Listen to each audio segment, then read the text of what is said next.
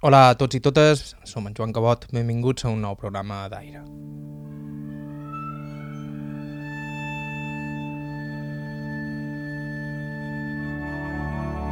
A Germà García i Bonat hi vàrem arribar fent una voltera inesperada, parlant amb Tomi Bestart, el cronista de Palma, sobre Albert Vigoleis Telen, l'escriptor holandès que a partir de les seves vivències a la Mallorca, immediatament anterior a la Guerra Civil, va escriure el clàssic L'illa del segon rostre.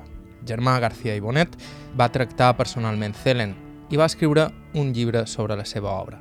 També ha escrit altres volums que delaten els seus gustos germanòfils. De fet, García Bonat va ser el traductor de les memòries de Heinz Kratzewski i també ha estat un gran estudiós de la presència alemanya a l'illa, espies inclosos. Amb 90 anys, García Bonet viu retirat al seu pis a prop de la plaça París de Palma, però la seva vida ha estat, sobretot fins que es va instal·lar aquí, una aventura que l'ha arrossegat per mitja Europa, marcada per la tragèdia familiar i un instint de supervivència i superació que seria fàcil confondre en la supèrbia. Amb els fantasmes de Thelen i Kratzewski de fons, vàrem conversar a mitjans d'estiu amb ell a casa seva i aquest és el resultat. Estau escoltant Aire a IB3 Ràdio, vos parla Joan Cabot. Començam.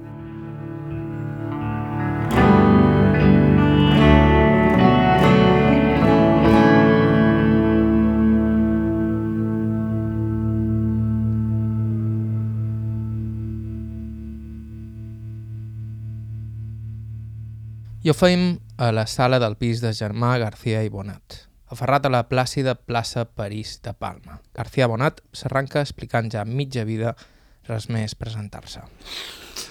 Jo em dic Germà García Bonat. Va néixer a la capital de Baix Ebre, a Tortosa, l'any 1932. I llavors vaig tenir...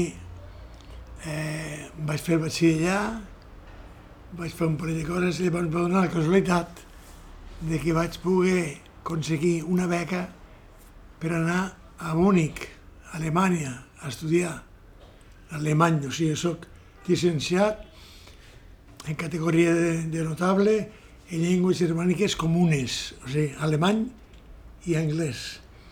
A part, eh, doctor en llengua catalana, que també ho vaig fer, o sigui, vaig anar fent segons què, i llavors jo vaig sortir perquè pràcticament vaig acabar el batxiller i no tenia possibilitat de fer cap carrera en aquell temps.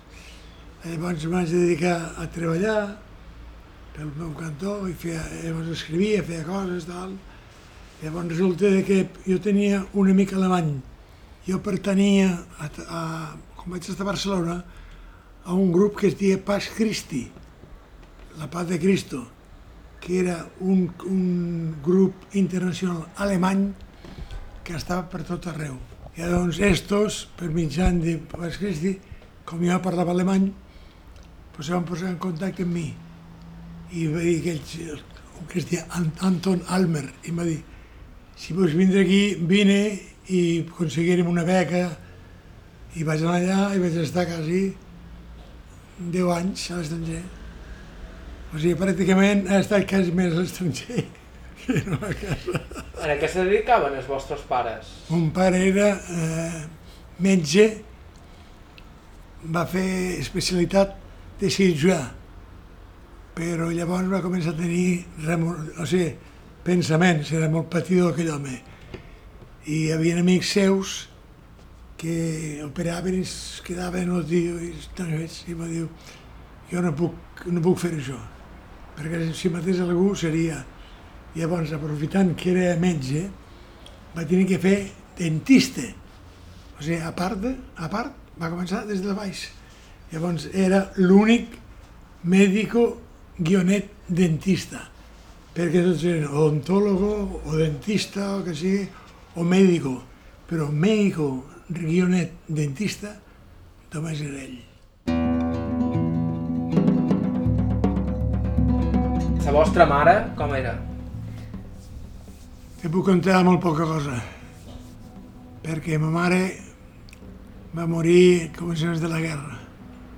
O sigui, un pare, quan va venir el tresors i tenia dos carreres, tu eres un explotor del pueblo, tal i qual, sé què, i buscaven per...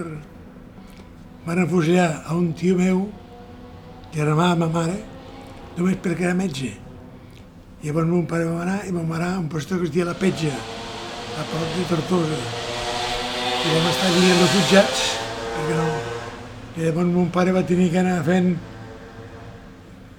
i bueno, va encarregat de la ràpida, tot per aquella zona, perquè l'anaven buscant, i ell, pues, tio, llavors ma mare va agafar una, una enfermitat de la sang i es va morir.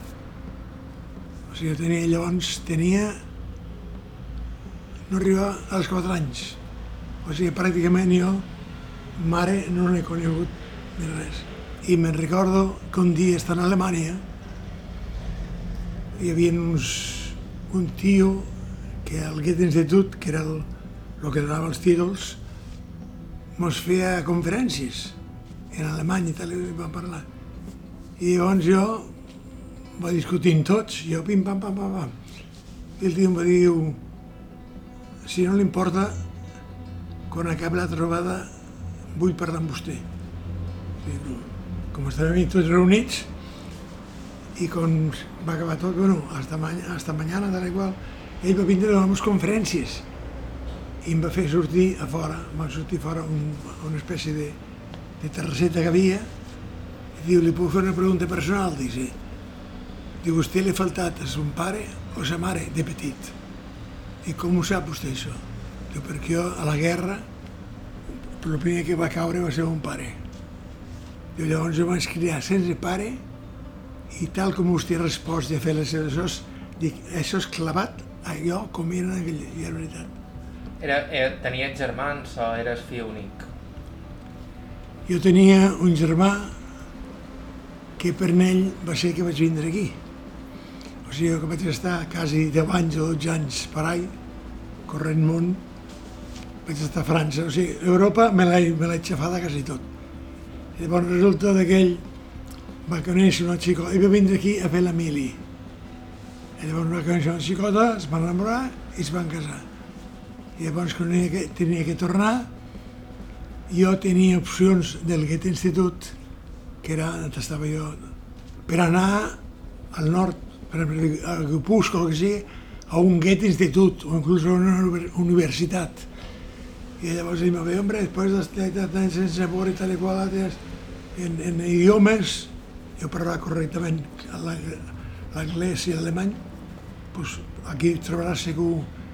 I vaig vindre per estar en ell. O sigui, va dir, després d'anar en sol, que cada una parada, i vaig arribar aquí i a casa seva, que ja estava casat.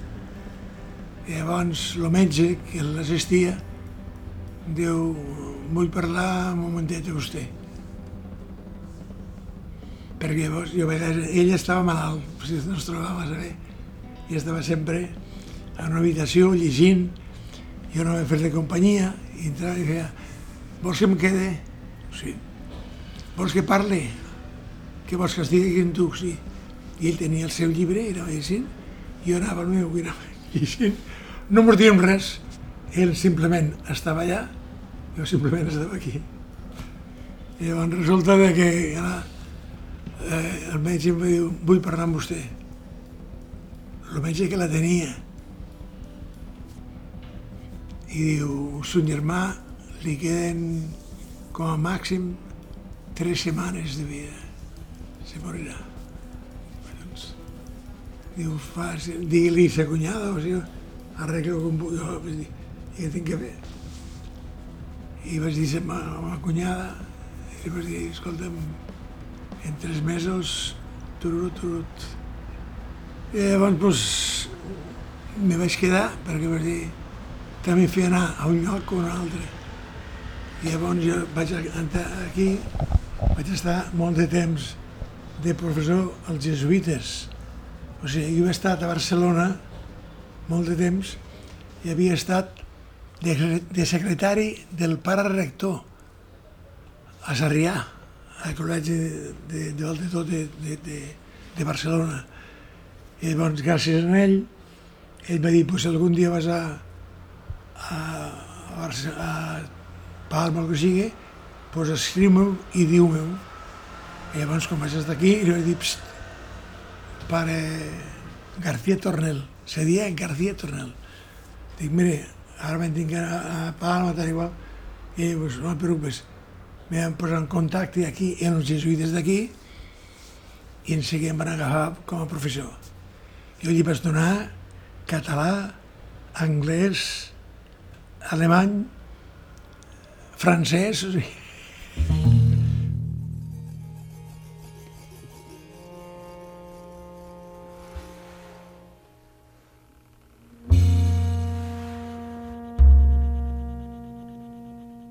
La vida de Germà García i Bonat va estar marcada per aquestes dues pèrdues, especialment per la de la seva mare. Això sí, son pare va suplir la figura materna i García Bonat va tenir sempre amb ell una relació molt estreta. jo el que va, va ser això, que pràcticament doncs, m'he quedat quasi sense mare. Jo ten, ella, quan se moria ella, jo devia tenir 4 anys o per ahí. O sigui, pràcticament me diuen, tu te'n recordes de ta mare? Jo me recordo perquè tinc fotos d'ella i perquè mon pare, o sigui, mon pare en part va solventar la, la banca que em feia ma mare, la va suplir ell.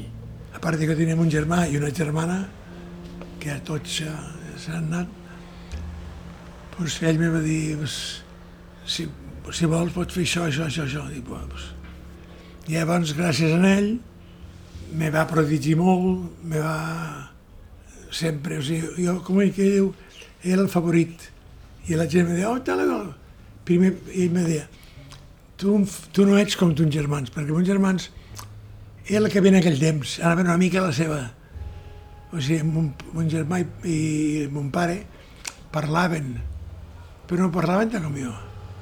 Jo, per exemple, quan mon pare entrava i estava com si fos aquí, que no era, perquè això, però aquí, allà, per exemple, doncs jo venia i deia, papà, com estàs, tal igual. I fèiem les, les xerrades i tal igual. I ell en part m'ha protegit perquè me, me'n faltava la mare.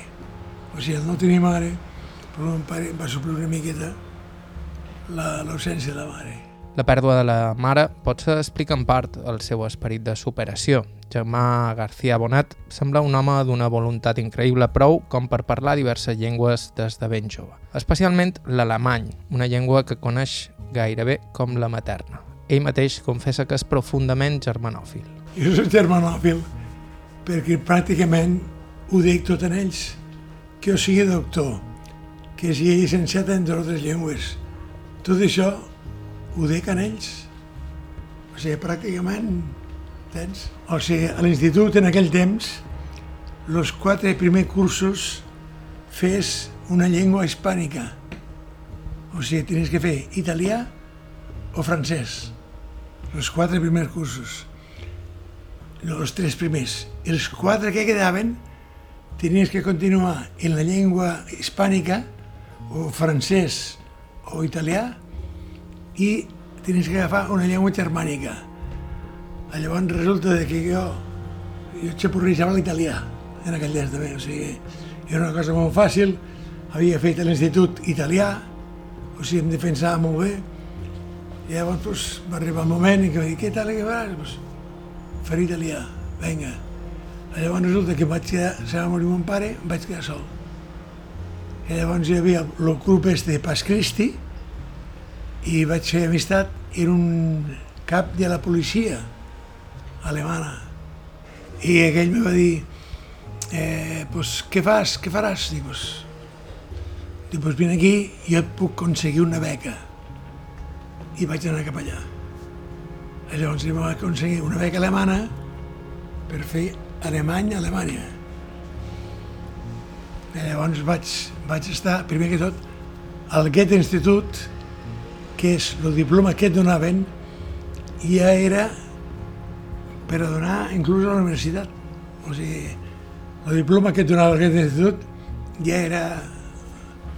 Llavors resulta de que quan hi havia molt més de temps, doncs dic, pues, me quedo i faig com toca. I llavors vaig anar a la universitat i vaig fer tal, i vaig treballar al que sortís. O sigui, llavors, a Alemanya, per exemple, hi ha el que es diu semestre de verano i semestre d'invierno. No és com aquí, un, un any. Allí són semestres, sis mesos. Llavors, doncs, per exemple, agafava semestre de verano i matriculava perquè havia treballat a fàbriques, havia treballat a tot arreu, i uns calés que guanyava doncs, guardats, ara puc permetre'm fer sis mesos a la universitat. Pues sis mesos o sigui, jo, com aquell que diu, era el hijo pródigo, que anava per tot arreu.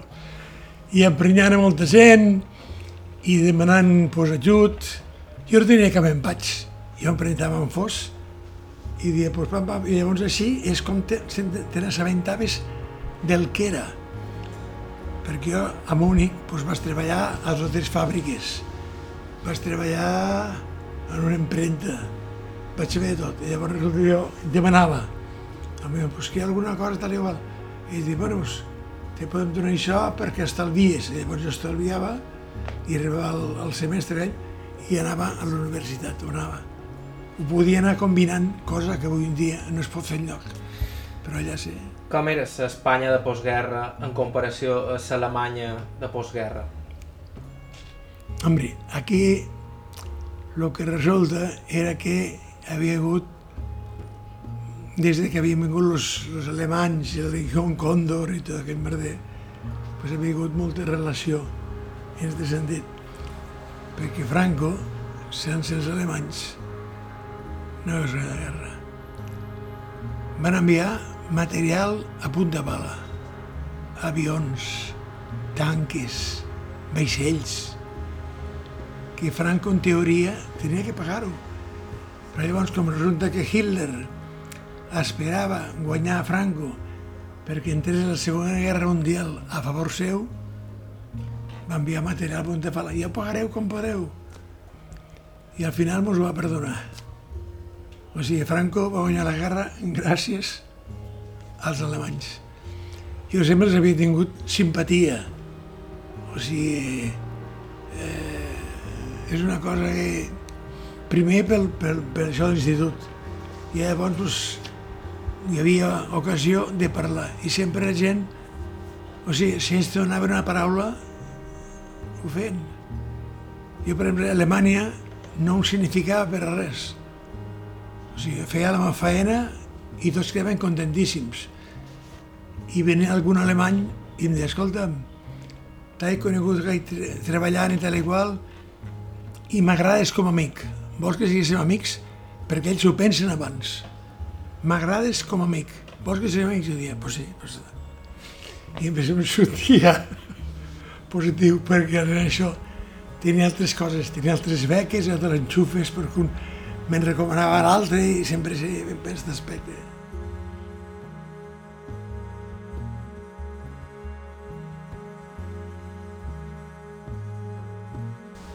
Jo vaig estar mm, molt de temps immediatament després de la guerra. O sigui, pràcticament vaig trobar el muro de Berlín. Llavors hi havia un... Per passar a la zona, hi havia la zona oriental i la zona occidental. L'oriental és de Berlín cap allà. Llavors resulta que si volies passar a Berlín, jo podia passar perquè era estranger però tenies que anar a un lloc que havia que es deia Checkpoint Charlie, que estava just al costat del, del muro.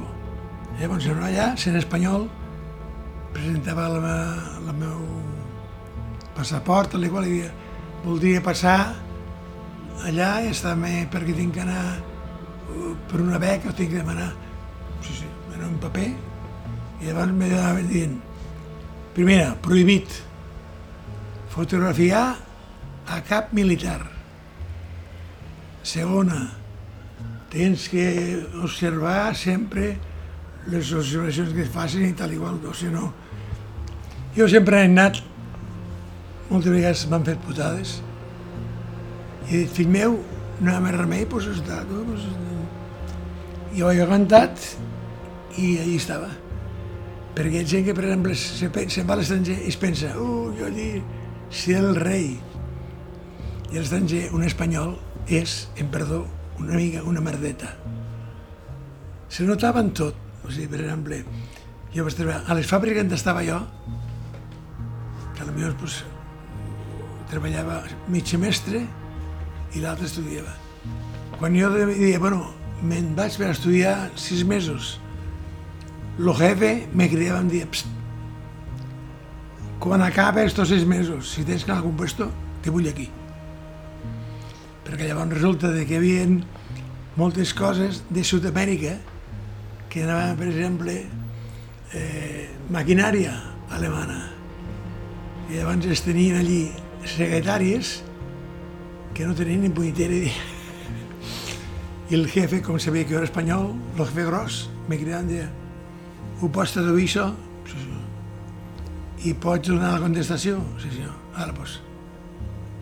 La secretària se n'anava, me deixava la màquina, jo em posava allà i ell me donava la carta, el, el mail que havia rebut d'en Fos. Mira, aquí et demanen, de, per exemple, que sé jo, de Mèxic, que bla, bla, bla, bla, bla.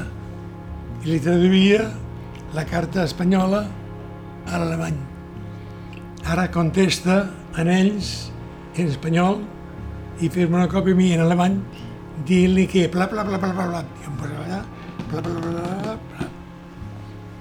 llavors hi havia tres secretàries que, que, o sigui, al veure que jo anava a treballar a la universitat, fes amistats, però no, tot eren, no tots eren amistats bones. Si, per exemple, hi havia xicotes que coneixia, que em troben un dia pues, treballant o netejant o que el que sigui al aquest institut, ja... Uh, llavors jo, un dia a la secretària grossa li vaig dir jo aquí sóc una merda, però jo sé una carta espanyola, la sé traduir alemany, sé contestar en espanyol i fer la correspondència traductor en alemany, cosa que tu no saps fer. Sí, allò, clar, no, no podien no tenia arguments per dir-me que no, perquè era així.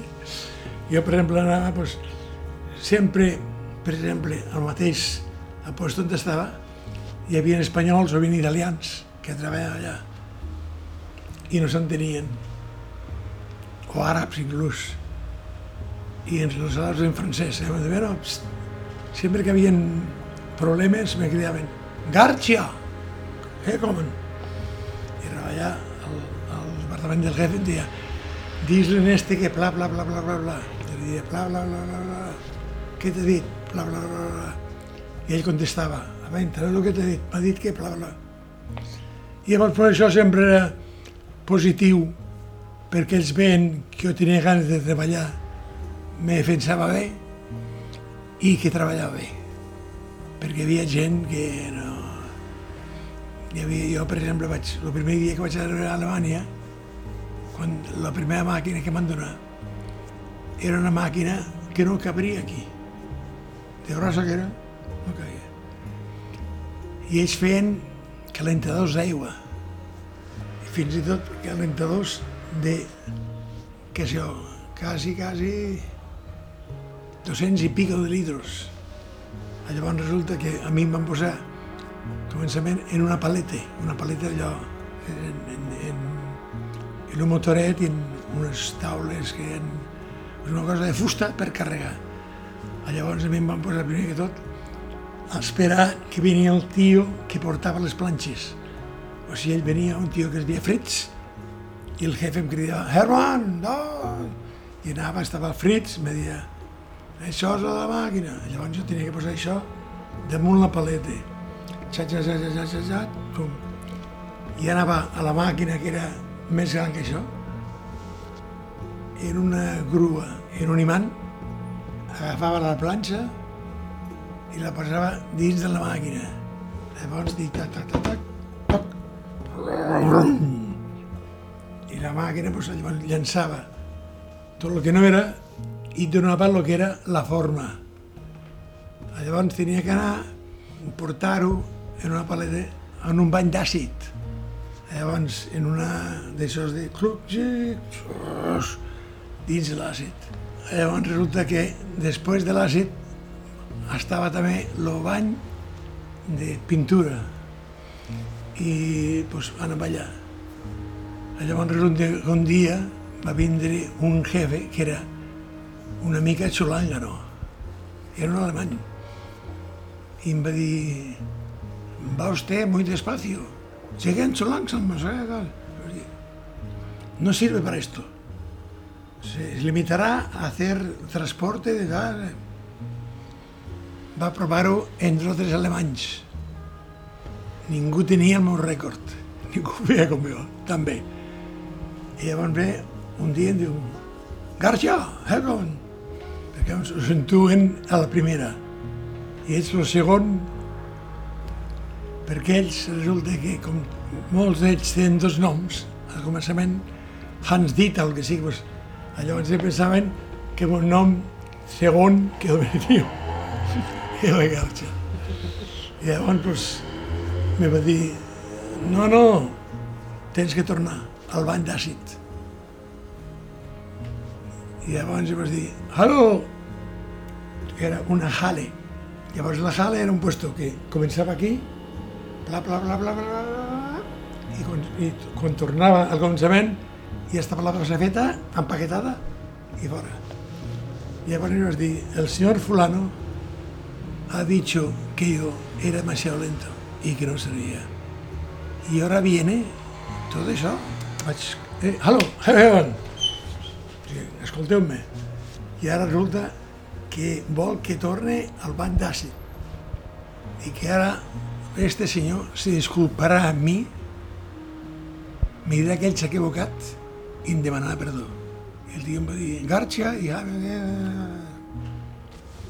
Perquè jo, a puesto on anava, no, o sigui, com sempre parlant alemany allà i tenint, o sigui, treballs i treballs a punt de pala. Saps el que passa? Encara que no ho vulguis, pues sempre... Jo no tenia pega en ningú, però era massa vist, era, jo deia, pues prefereixo agafar i vaig a un altre lloc i faig això, i a Alemanya, si tens ganes, treball, te sortia i un cop va aterrar a Mallorca, per mort del seu germà gran, aquí germà García Bonat va trobar un entorn on els seus coneixements eren preuats. Com a professor de llengües modernes al Col·legi de Montición, on va treballar bona part de la seva vida, i també assistint i relacionant-se amb la gran colònia alemanya de l'illa. En part, el saber alemany. Llavors jo vaig de conèixer molts alemanys aquí, que encara se'n recordaven de temps posterior a la guerra o després de la guerra, que va vindre una colònia tremenda. Tots eren jueus. Pràcticament la majoria eren jueus. Llavors jo, com he, no he tingut mai cap, cap pega, jo me'n recordo de que a la, a la Universitat Alemana jo coneixia un xicot, un que es deia Michaelis, i el nom era una mica així i potser me trobava a la universitat, home, ai, què? I fèiem tertúlia. Jo, si per exemple estava en, en alemanys i s'apropava Michaelis, pues los del costat, així, el colze i tal, eh, bueno, tal, igual, eh, me tinc que anar, i tot deu fotre el camí. I jo aguantava Michaelis fins al final, pobre home, ell no tenia cap culpa.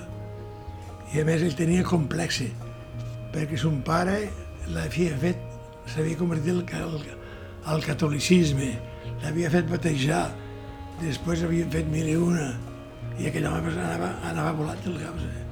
Jo, per exemple, jo, i un dia, i un, un dia en alemany diu, Miquel és judeu, és jueu, o era jueu. I què? Això és, és mortal de necessitat o què? Què passa?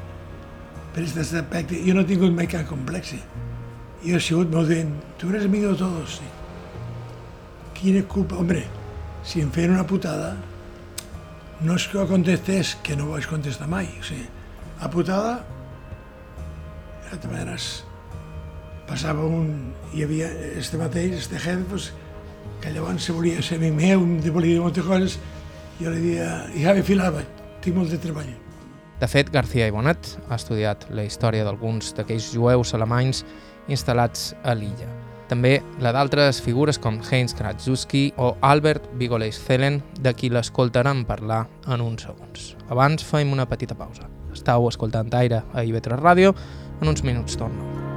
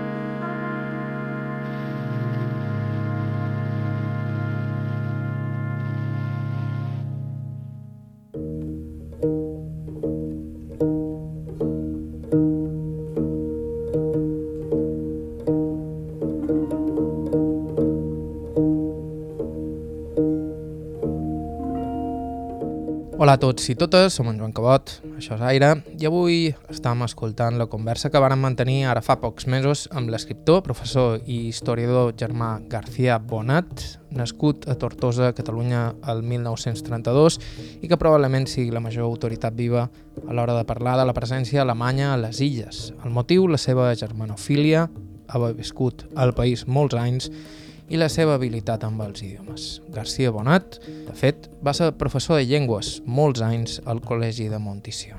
Us va agradar ser professor? Hombre, més que res, els que sempre m'han agraït molt van ser els alumnes. Els alumnes ho sabia dur. Va ser un home que em deien és que tots els alumnes tots estan per tu. Dic, alumne, tens que anar la veritat per davant. I no tens que anar fotent va ser precisament allà, a Montición, que va conèixer la que seria la seva dona. I a Montición resulta que donava eh, idiomes moderns. I llavors havia, dins de la Montición, estava la FP, formació professional, que només eren pues, idiomes, jo donava, els donava català, castellà, alemany, anglès, Llavors resulta que ell va vindre com a ella era, era infermera, analista tal i qual, i treballava en un tio. I ella va vindre allà a aprendre alemany perquè llavors se'n volia anar a Alemanya. Ja tenia un lloc on podia anar a treballar. I llavors van sortir i a poc a poc, i, ja, eh. i un dia què? Ens casem? Pues bé, pues bé. Jo pràcticament no tenia ningú. O sigui, mon germà s'havia mort jo vivia sol a casa encara la cunyada. I llavors vaig dir, pues fora. I llavors ella em va dir, no, és que mos donen una, un pis d'estes de... a Sant Goleu, sempre que era. O sigui, perquè llavors la dona treballava a la, a la caixa. I llavors a la caixa hi havia uns pisos per allà, per, com se diria, Sant Goleu, sempre que era. Que llavors te donaven un pis i tu pagava, jo pagava a la caixa una mensualitat, però com la dona era, tenia un càrrec important dins, doncs era molt barat, molt baratet, i, i van allà. Allà naixeria la seva primera filla, després vendria el seu fill i el pis a la plaça París, on conversam amb ell i on ens parla de la seva relació amb la colònia alemanya, en qui no sols mantenia relacions d'amistat. De fet, molta gent recorria el domini dels idiomes de García Bonat quan tenia problemes. Hi havia un cònsul alemany que es deia Hans Dede.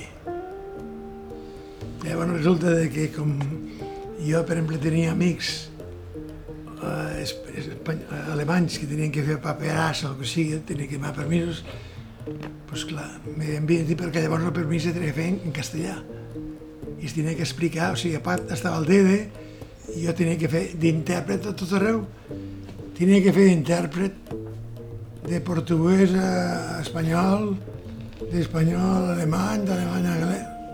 I el, el, el tenen me tu tens un cap molt bien amebolado. Jo dic, deja les, les, les cadires al seu lloc.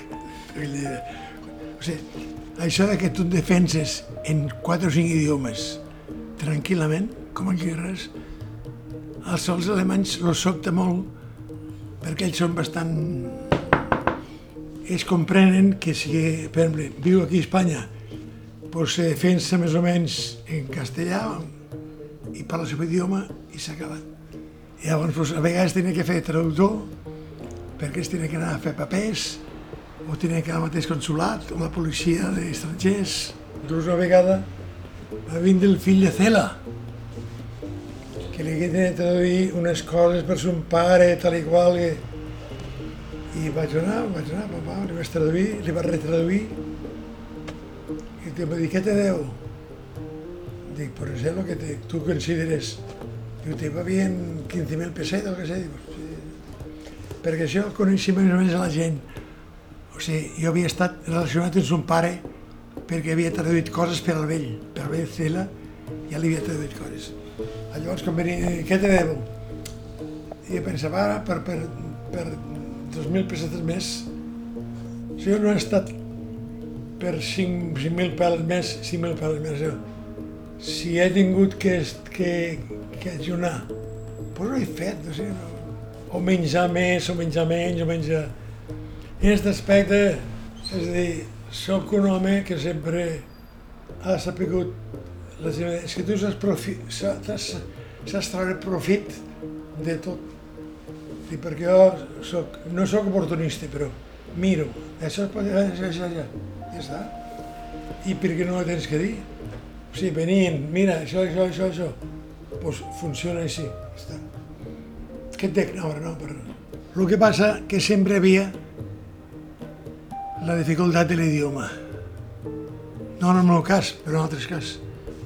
I mi es trobava pues, un alemany i un espanyol a una taula parlant i m'ho deia, ah! Per exemple, un dia me'n recordo, i abans anava molt a la biblioteca. O sigui, fins fa, ara no perquè són 90, però els 70 o 70 i pico, sempre sortia i anava a la biblioteca a llegir. I em trobava tios alemanys que estaven fent articles, el que sigui, inclús aquí veia un editor, un, un tio que escrivia molt, i em van confondre. Tu ets fulano i tal? Dic, no. Perquè llavors, jo per exemple, doncs, si em dia un tio, escolta'm, això no entenc. Anar a la biblioteca em trobava un alemany o al revés, un català. Mira, què és això, això? Aviam, com ho faries tu això? Pues mira, jo posaria pam, pam, pam, pam, pam, pam. O sigui, jo pràcticament l'alemany, després de tant anys, està per allà i tal, sempre l'he escrit, o sigui, jo, les meves, les meves llengües d'expressió més habitual havien estat l'alemany, l'anglès, el català i el castellà. Habitual de cada dia, cada dia. I llavors, doncs, tens que fer això, doncs, i com es fa això, aquí està malament perquè pa, pa, pa. I gent que en trobava, potser anava a llegir els periòdics que havia a la biblioteca encara surten, hi ha periòdics en, en llengües, hi ha un periòdic alemany, un periòdic no sé què, i llavors pues, anava allà, agafaven un periòdic i posava així. I llavors un tio que volia alguna traducció o alguna cosa, venia per demanar-me alguna cosa perquè hi havia molta gent que presumia saber alemany, però torrut. I llavors anava allà a agafar, i estava, per exemple, pues, moltes revistes del temps de la guerra, el Signal, l'Atla, o sigui, un que es deia Signal, que era una revista alemanya, i un Atla, l'Àguila. I llavors doncs, allà tot això ho tenen encara a la biblioteca, a l'arxiu de dins de tot, encara està. Jo anava i dir, escolta, m'interessa això per copiar aquest article, per fer tal i. Llavors resulta que hi havia molta gent que, clar, per qüestió de negocis, anaven perduts. S'entenien mig en, en, en anglès o com si sí. I llavors venia, escolta'm, que vindries pel matí. Jo, com en aquell temps no feia res, pues sí, a la biblioteca, a la biblioteca, i a la biblioteca, i llavors venia el senyor alemany, en el seu company, ens posaven allí una tauleta, que llavors és per fer a la sala de lectura, que, uf, que ningú pot dir ni pruna. Eh? I allí doncs, ens posàvem, uh, tens que fer això, pum, pum, pum, pum, pum. i molts eren amics. Va ser així que va conèixer Albert Vigoleix Zelen, autor del clàssic L'illa del segon rostre, sobre l'obra del qual escriuria una monografia. També ha traduït les memòries a les presons de la Guerra Civil a Mallorca de Heinz Kratzewski. La seva relació amb Zelen, però, va començar per pura casualitat. Ha sigut una mica per casualitat, perquè el Zelen és un home que va vindre aquí. I llavors jo, com ell, Tele no parlava res d'espanyol, res absolut. Parlava una mica de portuguès, perquè havia estat de secretari d'un que es deia Teixeira de Pescais, que era un gran escriptor eh, portuguès. Ell va estar molt temps a Portugal, llavors va vindre aquí i es va casar amb la seva dona, que era suïssa. Però entre ells sempre parlaven portuguès, ell i ella. I llavors resulta que ell, doncs clar, estava aquí. En portuguès podia fer poca cosa, espanyol ni puta idea. I llavors jo vaig conèixer per casualitat. I llavors jo vaig la seva vida, jo havia escrit ja uns quants llibres, o sigui, hauré escrit en total uns 15 o 16 llibres. És una corolla, jo disfrutava, escrivint disfrutava.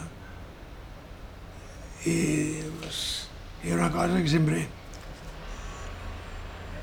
no he cobrat ni cinc. O sigui, a mi el que m'interessava més que res era pues, publicar i que la gent hi conegués. Jo, per exemple, on anava, la gent deia, ah, vostè és fulà, tal, tal, o vostè, encara a hores d'ara, entrevistes, el que sigui, bé, que en part jo tampoc és una cosa que me canso una mica. O sigui, és sempre el mateix. I venia un, eh, un alemany, és que este llibre de Kersuski tal i qual. Dic, pues si està tot aquí, agafa el llibre Kersuski i plam, plam, plam, plam. Ves fent. I com era en Telen? Telen era un tio, era un tio una mica pessimista. En aquest era un tio que, clar, ell aquí es va trobar en què parlaven la seva dona a vegades en portuguès, en ells. Jo, com sabia una mica portuguès, doncs, també a vegades fem conversa. Jo ho falo, portuguès. Una de la llengua, llengua portuguesa. Ell doncs, me va agafar amb molt d'efecte, perquè li feia de traductor, venia aquí, se posava allà, ella i jo aquí, i parlava i fem... I llavors va començar a dir, què et sembla si escric sobre la teva obra? Pues, sí, hombre, venga, va. Jo en aquest aspecte tenia màquina d'escriure, tenia l'ordenador allà dins. I jo hem passat, segut l'ordenador, fent quantitat d'hores extra. I llavors pues, anava fent, sí, no?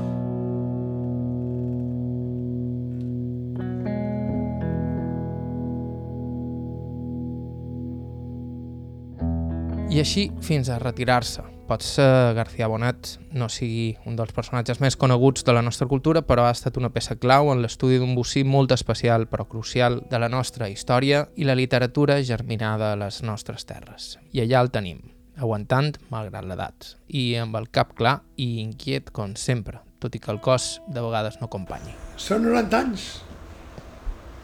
La dona ho diu. Diu, és que tu t'empenyes en ser vell i la bellesa du les